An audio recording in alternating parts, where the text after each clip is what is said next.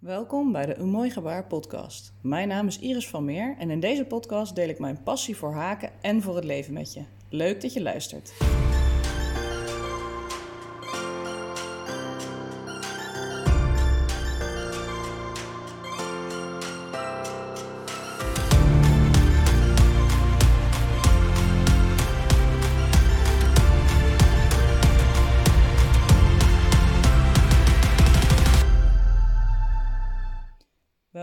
Vierde aflevering van de Mooi Gebaar podcast. De derde aflevering stond heel even op nummer 1 in Nederland in de categorie hobby op podcasters.com. En dat vond ik natuurlijk heel erg tof. Die aflevering ging over de voordelen van haken en luister die vooral ook nog even als je dat nog niet gedaan had. Vandaag gaan we het hebben over garen, wat veel mensen eigenlijk steeds wol noemen. Garen is er al eeuwen en is een essentieel onderdeel van breien, haken, borduren, quilten, weven en nog heel veel andere handwerkhobby's.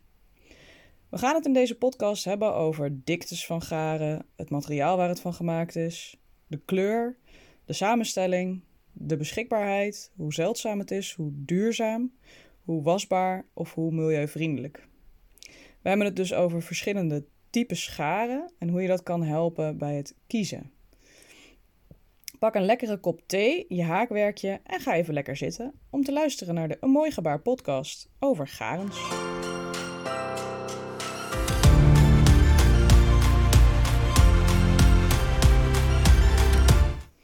Vaak beginnen mensen bij kleur als ze in gedachten een project maken. De kleur waarmee je haakt heeft natuurlijk heel veel invloed op het project. Wil je een grijze deken haken die goed bij je interieur past, of juist een nieuwe gele trui?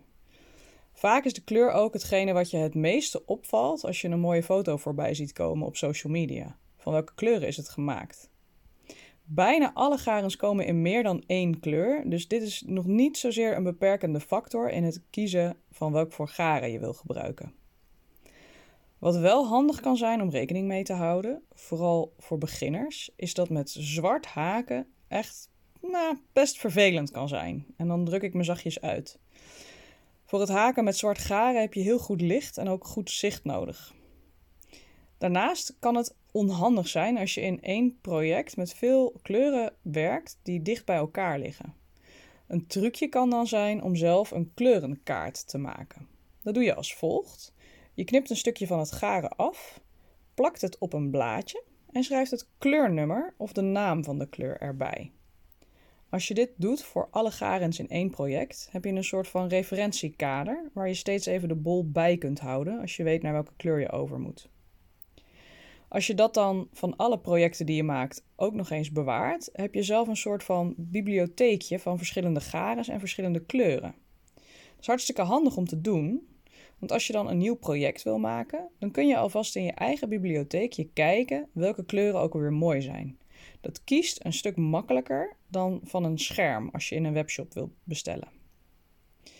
Naast kleur kan ook kleurvastheid een belangrijk element zijn bij het kiezen van garen. Maar helaas hebben we daar niet echt heel veel kennis over.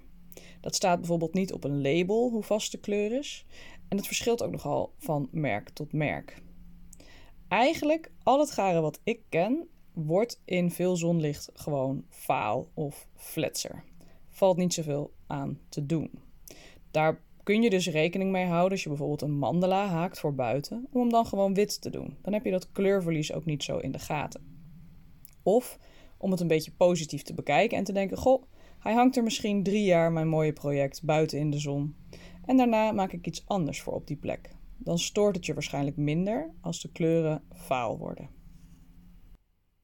Naast kleur is dikte iets wat je je goed kunt visualiseren. De dikte van garen is opgedeeld op veel verschillende manieren. Ze hebben een cijfer, een symbool, een naam, vaak een ply-aantal, een bijbehorende haaknaaldmaat en een gemiddeld aantal meters per 100 gram. Daar ga ik jullie nu allemaal iets over vertellen.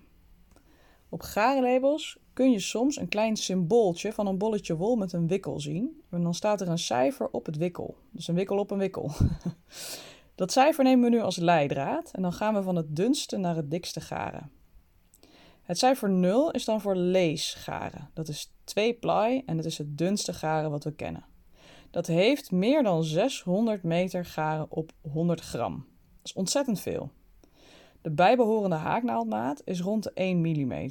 Maar steeds als ik dat zeg, wil ik daarbij de slag om de arm doen dat je altijd een grotere of een kleinere haaknaaldmaat kunt gebruiken dan op het wikkel staat. Je kunt leesscharen bijvoorbeeld met de haaknaald 10 mm maken voor een enorm open kunstwerkachtig gebeuren. En je kunt ook heel groot garen met een veel kleinere haaknaaldmaat gebruiken om iets heel straks te maken, bijvoorbeeld een mandje. Dus die haaknaaldmaten die ik nu steeds geef bij de garengewichten zijn eigenlijk alleen maar een indicatie voor waar je, eh, wat er het meeste mee gebruikt wordt. Dus bij cijfer 0 en lees wordt vooral of het meeste rond de 1 mm haaknaaldmaat gebruikt. Daarna komt nummer 1, dat wordt ook wel super fine genoemd, of 3-ply of baby weight garen. Je ziet dan dat er ongeveer 350 tot 600 meter garen per 100 gram bolletje zit. Dat kun je bijvoorbeeld gebruiken voor sokken of voor ajuurwerk.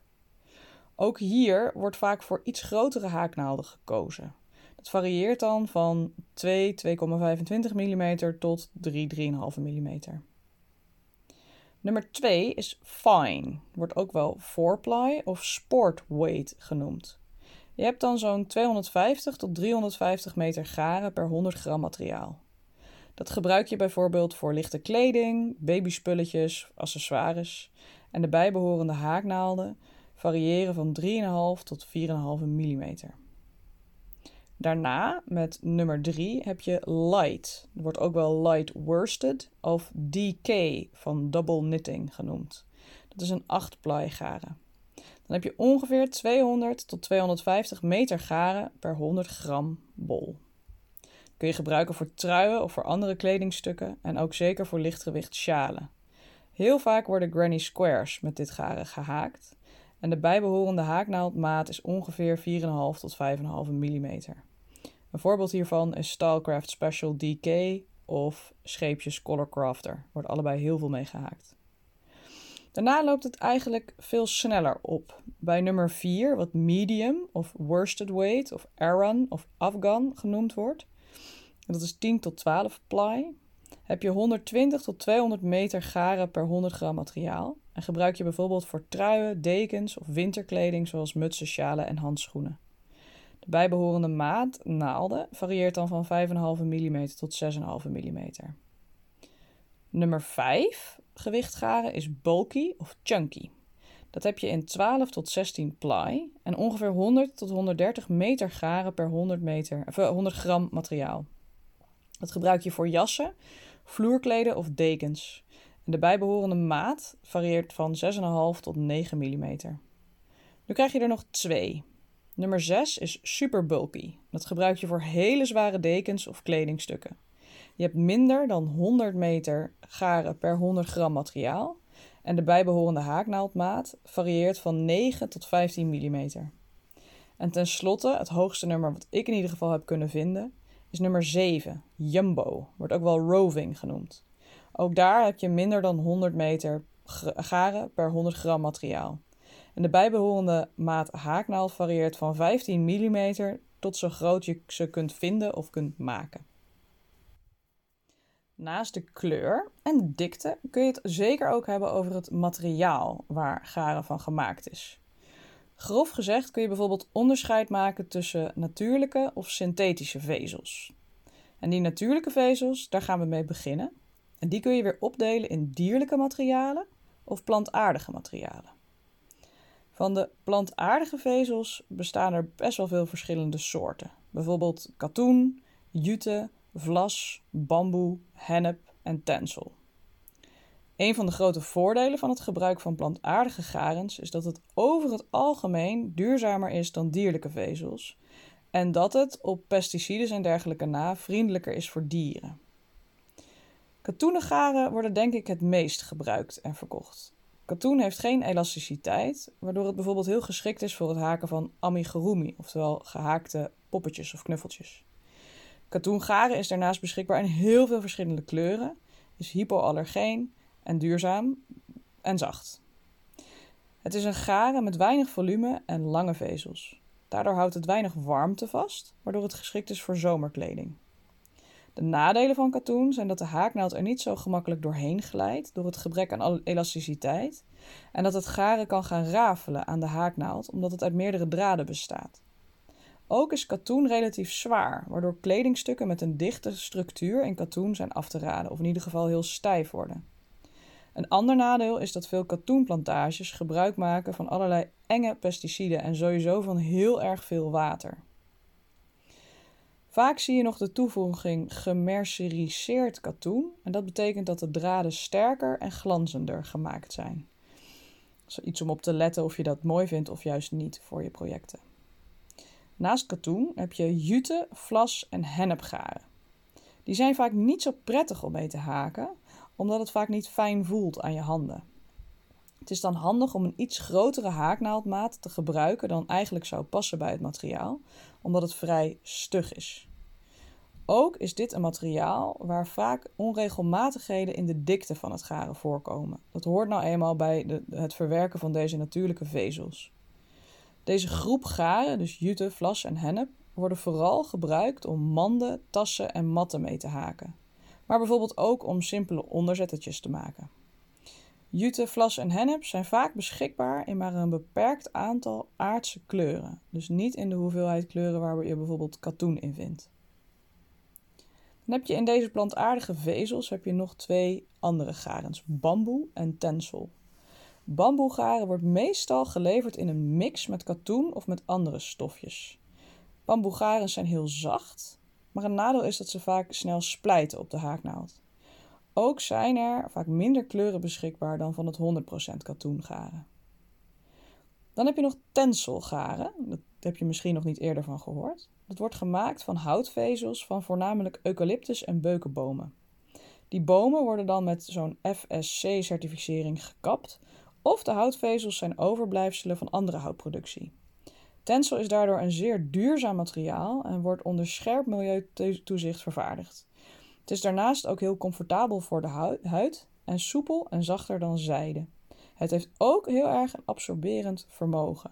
Helaas is tenselgaren vaak wel veel duurder dan de andere plantaardige vezels die in dit rijtje zijn genoemd. Nu we de plantaardige vezels hebben besproken, gaan we naar de dierlijke vezels. Het grootste nadeel van eigenlijk alle dierlijke vezels is dat er dierenleed mee gepaard kan gaan. Probeer, als je dat qua budget kan, te kiezen voor biologische vezels van kleine lokale bedrijfjes. Dan heeft het het minste milieu-impact en kun je ook zien hoe er met de dieren is omgegaan. Wol van schapen wordt heel veel gebruikt voor haken, net als katoen en acryl. Eigenlijk staan die drie bovenaan. Wol is goed isolerend en kan dus warm of koel werken als je het draagt. Haken of breien met wol is heel vergeeflijk. Je kunt het heel makkelijk uithalen en foutjes zijn vaak minder goed te zien dan bij gladde garen zoals katoen. Dat is tegelijkertijd ook een nadeel, die korte vezels van het wol, omdat wol daardoor kan jeuken. Sommige mensen zijn echt allergisch voor wol, dus dat is ook iets om rekening mee te houden als je haakt voor cadeautjes of voor de verkoop. Wol is licht, vormvast en voorkomt huisstofmijt. Wol werkt ook schimmelwerend en brandvertragend. Dan heb je nog allerlei verschillende aparte wollen, zoals bijvoorbeeld merino-wol. Dat is afkomstig van het sterke schapenras het merino-schaap, dat vooral in Australië en Nieuw-Zeeland voorkomt. Die schapen kunnen flink tegen een stootje, omdat de temperaturen in dat gebied wisselen van min 20 in de winter s'nachts naar plus 35 in de zomer overdag.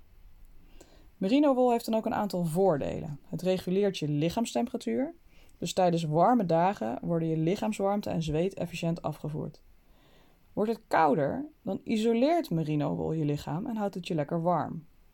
Daarnaast voelt het zacht aan en jeukt het niet, of in ieder geval veel minder dan gewone schapenwol, dankzij de dunne, fijne structuur van de wolvezels. Merino-wol is tevens goed bestand tegen geurtjes. Daar zit een vlotte afvoer van transpiratievocht voor niets tussen. Merino-wol is oersterk en enorm rekbaar, van nature ook UV-bestendig. Merino-wol is tenslotte een relatief duurzaam product. Niet alleen gaat het lang mee, maar de stof is ook goed recyclebaar en biologisch afbreekbaar. Naast de wol van schapen, waar we er nu twee van hebben genoemd, heb je ook geitenwol.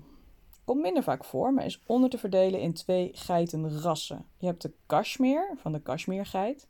Je hebt Pashmina van de Chiangra berggeit uit de Himalaya. En de derde is de mohair van de Angora geit. Geitenwol wordt dan gesponnen van de haren van de geit. Het is vaak ongelooflijk duur, veel duurder dan schapenwol, maar ook wel heel erg lekker zacht.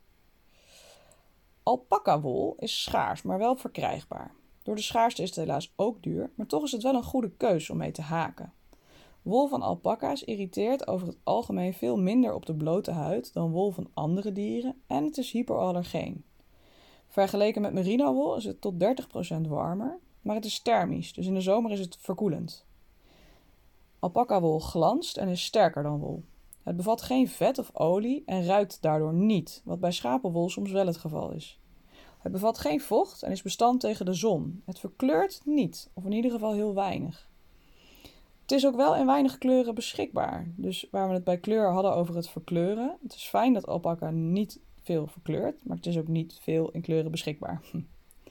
Alpaca-wol krimpt niet na het wassen en kan gemakkelijk gemengd worden met andere natuurlijke vezels. En dat zul je ook vaak op het wikkel zien staan. Dat het een deel alpaca is en een deel mohair of een deel gewone wol. Het is heel licht en het is ook heel zacht, maar door al deze voordelen die eraan kleven is het ook zeker niet goedkoop. Angora-wol komt van het Angora-konijn, niet van de Angora-geit, want daar komt mohair vandaan.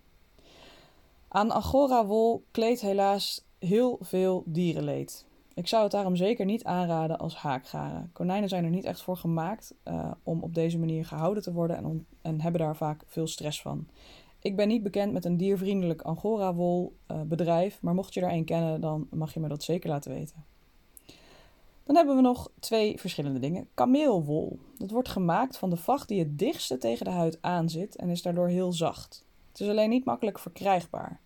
De kameel wordt namelijk niet geschoren of geknipt, maar laat zelf de haren los en die worden dan verzameld.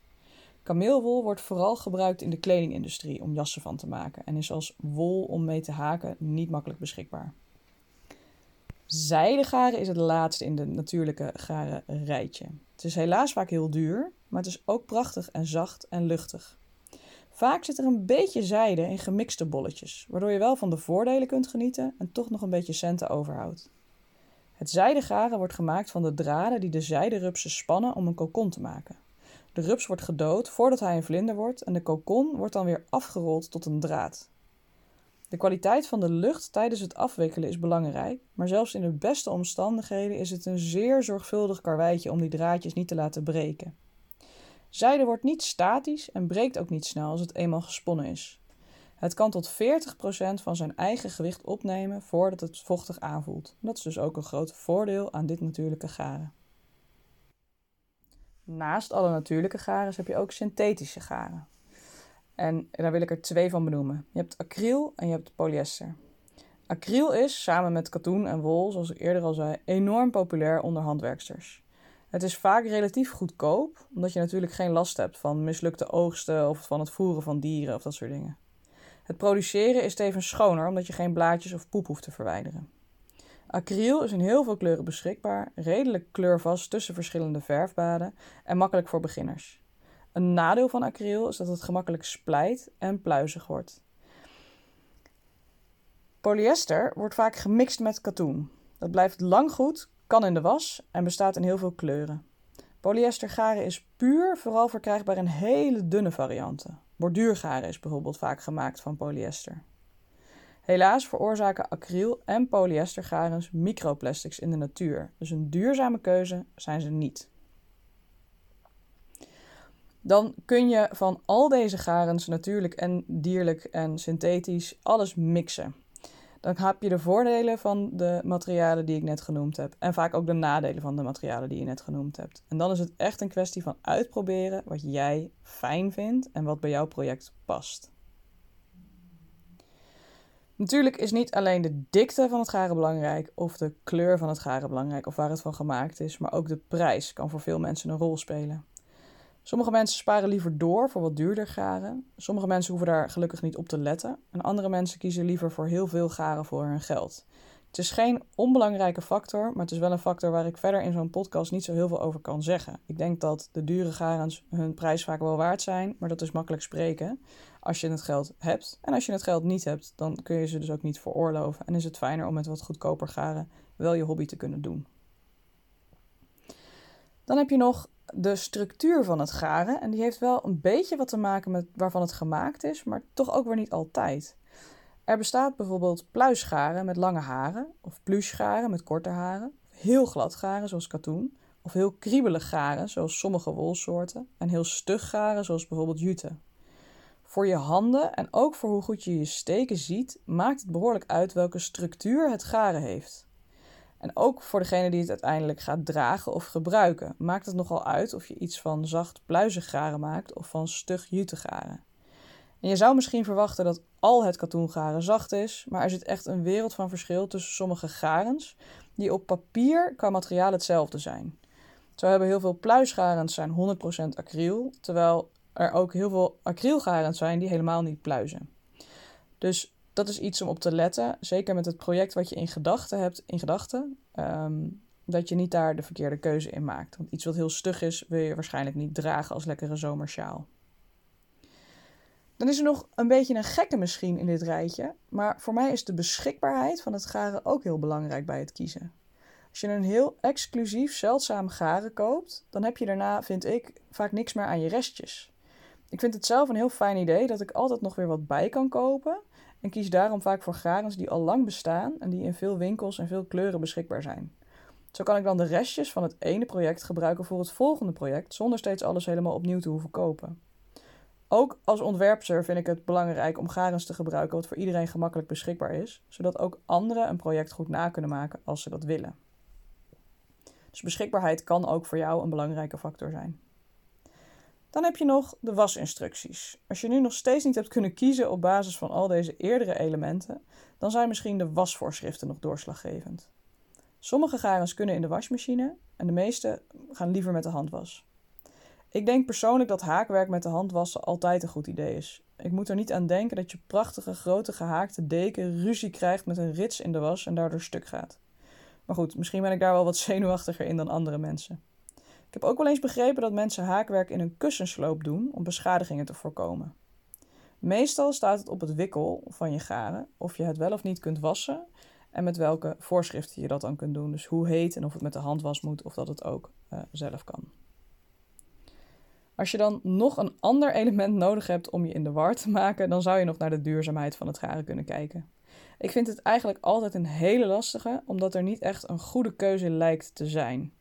Dierlijke vezels hebben vaak dierenleed, hoe je het ook bent of keert. Zelfs als de dieren heel goed worden behandeld, zouden er misschien wel minder van die dieren op de wereld worden gezet en ook minder dieren in de moeilijke omstandigheden leven, als de gewoonte van het houden van dieren voor menselijke consumptie in alle vormen zou teruglopen.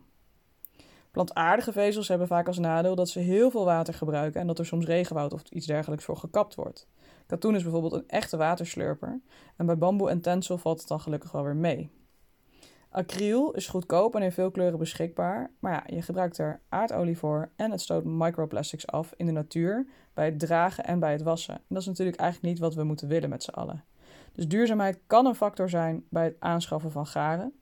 Ik vind het zelf een hele moeilijke factor, omdat het zo moeilijk lijkt om daar een goede keuze in te maken. Wat ik in ieder geval probeer is om de dingen die ik haak ook echt de garens die ik heb op te haken. Dus niet alleen maar bij te kopen en het in de kast te leggen. En ik probeer zoveel mogelijk uh, het aan de lucht te dragen, laten drogen, zodat ik het minder vaak hoef te wassen. Maar of het echt helpt, of de milieu er echt beter van wordt van deze hele kleine aanpassingen, dat weet ik niet zo goed. Daarom doneer ik af en toe namens mijn bedrijf en namens jullie aan Team Seas. Dat is een project waarbij plastic uit de oceanen wordt gehaald. En daarmee hoop ik een heel klein beetje de negatieve voetafdruk van het garen dat ik soms gebruik te kunnen compenseren. Door uh, een initiatief te steunen wat plastic weer uit de zee haalt.